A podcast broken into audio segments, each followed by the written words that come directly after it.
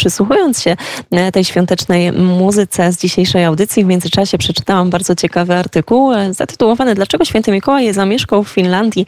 Poznaj jego historię. My teraz już łączymy się z autorem właśnie tego tekstu. Jest nim dr Maciej Zborowski, ekspert Wyższej Szkoły Bankowej w Gdyni, a także dziekan Wydziału Społeczno-Humanistycznego, który na co dzień zajmuje się aktualnymi problemami z zakresu skandynawistyki, rusycystyki, a także stosunków międzynarodowych i turystyki. Dzień dobry. Dzień dobry Pani, dzień dobry Państwu. Przede wszystkim bardzo dziękujemy za czas w tym wyjątkowym dniu e, dla słuchaczy i dla Radia Wnet.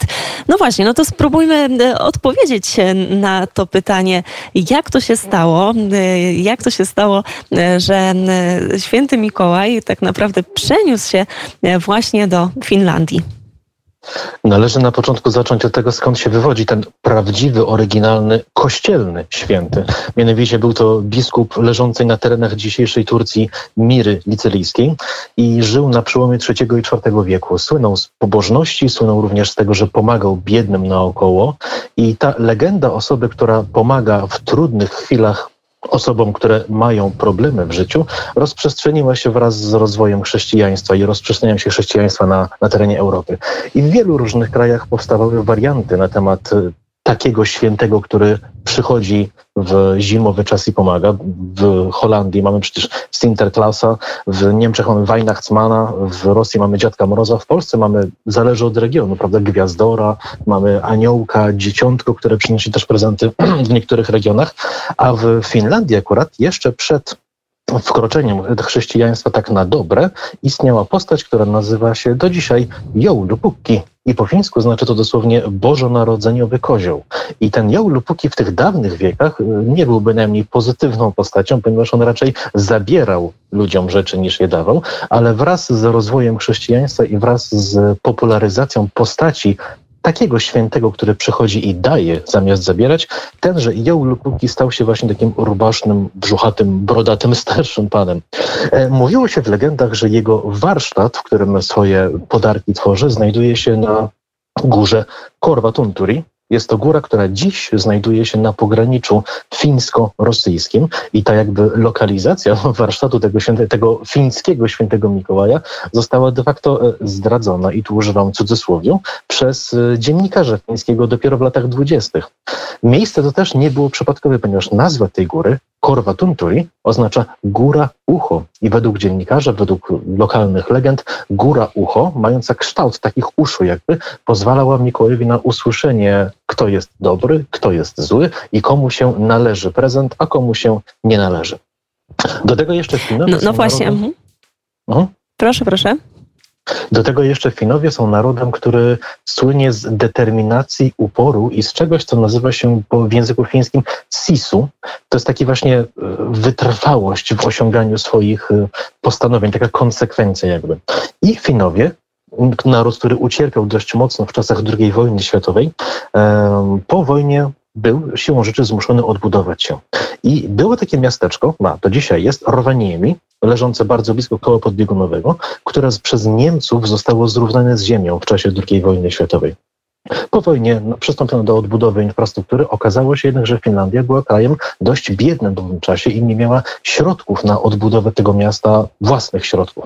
Dlatego też um, skorzystała z amerykańskiego programu pomocy w Europie, UNRWA, i na scenę tutaj wkracza pierwsza dama, a raczej była pierwsza dama USA w owych latach, czyli Eleanor Roosevelt, wdowa po Franklinie Roosevelcie, która w 1950 roku odwiedziła to fińskie miasteczko, żeby zobaczyć, jak przebiegają, jak przebiega odbudowa.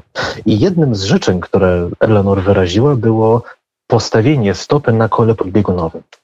Ci Finowie stwierdzili, że oczywiście gościu, gościowi należy spełnić, należy zachcianki gościa, marzenia. Natomiast problem był taki, że dokładne geograficzne koło podbiegunowe przebiegało nieco na północ od miasta przez ostępy. Tam nic nie było, tylko gęsty, gęsty las. Dlatego też Finowie, mimo że mieli raptem dwa tygodnie do wizyty, stwierdzili, że nie, niech nasze SIS-u, nasza siła motywacja wewnętrzna się objawi tym razem i zbudowali po prostu pośrodku niczego budynek pocztowy położony dosłownie parę metrów od koła podbiegunowego. I z tego właśnie miejsca w 1950 roku Eleanor Roosevelt nadała pierwszą pocztówkę. Ta poczta jakby, można powiedzieć, stała się przyczynkiem do tego, że rozwijała się turystyka e, polarna w miejscowości Rovaniemi. I od tego logicznym krokiem było przejęcie nieomalże tej postaci, którą Amerykanie lokują na biegunie północnym, czyli właśnie świętego Mikołaja do siebie. I jak Finowie coś robią, to robią to już po, po, całości, że tak powiem. I dlatego też od lat 80. miasto Rowaniemi stało się ważnym graczem na rynku najpierw krajowego, a następnie światowego, czy też ogólnoeuropejskiego przemysłu czasu wolnego, że też takiego branżowego terminu użyją Turoperatorzy organizowali wizyty zarówno do miasteczka, wesołego miasteczka Świętego Mikołaja, jak i do wioski Świętego Mikołaja, gdzie można było podpatrzeć działalność tegoż, tegoż świętego. E, Rowaniemi w ogóle jest miejscowością, w której dzisiaj się bardzo dużo rzeczy kręci wokół Świętego Mikołaja. Jest kilka hoteli czy pensjonatów, które mają słowo Santa w nazwie. Jest firma, która nie tylko zarządza tą właśnie całą wioską Świętego Mikołaja, ale również jest E, szkoli na przykład Mikołajów, którzy chcą być jak ten jeden, jedyny właściwy święty Mikołaj, a nawet z takich kuriozów można powiedzieć, że również w Rowaniemi jest jedyne w, na terenie regionu nordyckiego całoroczne pole golfowe, które również zimą, gdy jest śnieg, jest otwarte i gra się nie na zielonej trawie, a na śniegu ubitym. Czyli tak podsumowując, to można powiedzieć, że e, ten upór e, Finów, oczywiście też ciężka praca e, wokół całej tej historii spowodowała, że święty Mikołaj właśnie z Finlandii wyprzedził swoich konkurentów, zarówno tego dziadka Mroza, o którym wspominaliśmy i po prostu stał się no, taką ikoną, prawda? To on jest jednak głównie kojarzony właśnie ze świętami Bożego Narodzenia. To prawda, ale również to nie chodzi tylko o sam marketing, ale Finowie są bardzo dobrzy, jeśli chodzi o e, dyskutowanie na poziomie racjonalnym. I z Amerykanami, którzy wierzą, że ich święty Mikołaj mieszka na biegunie północnym, Finowie roz, rozprawiają się następującymi argumentami. Po pierwsze, e, nie jest możliwe, żeby mieszkać dokładnie na biegunie północnym, bo przecież tam jest lód, wieczna zmarzlina. A jak można zbudować wielką, całą wioskę na lodzie, prawda? A tutaj u nas w Finlandii jak najbardziej lód stały, skandynawska skała, wszystko jest, wszystko jest na miejscu. Po drugie, i to jest chyba argument moim zdaniem najcięższy gatunkowo, w, na biegunie północnym nie ma reniferów a w Finlandii są. To jest naturalny kraj, bardzo bogaty w to, w to pocieszne zwierzę. A jak można wyobrazić sobie Mikołaja bez reniferu? No nie można najzwyczajniej w świecie. Do tego jeszcze e, święty Mikołaj w Finlandii jest cały rok, a nie tylko jakiś tam w okresie świątecznym. Również latem można do Rovaniemi przyjechać i spotkać świętego Mikołaja, choć oczywiście bez śniegu w owym czasie. A wreszcie również e, argument językowy bardzo ważny, grudzień po fińsku to jest joulukku, czyli miesiąc świąteczny dosłownie. I tymi czterema argumentami Finowie rozprawiają się z amerykańskim poczuciem dominacji, jeśli chodzi o przynależność terytorialną świętego Mikołaja.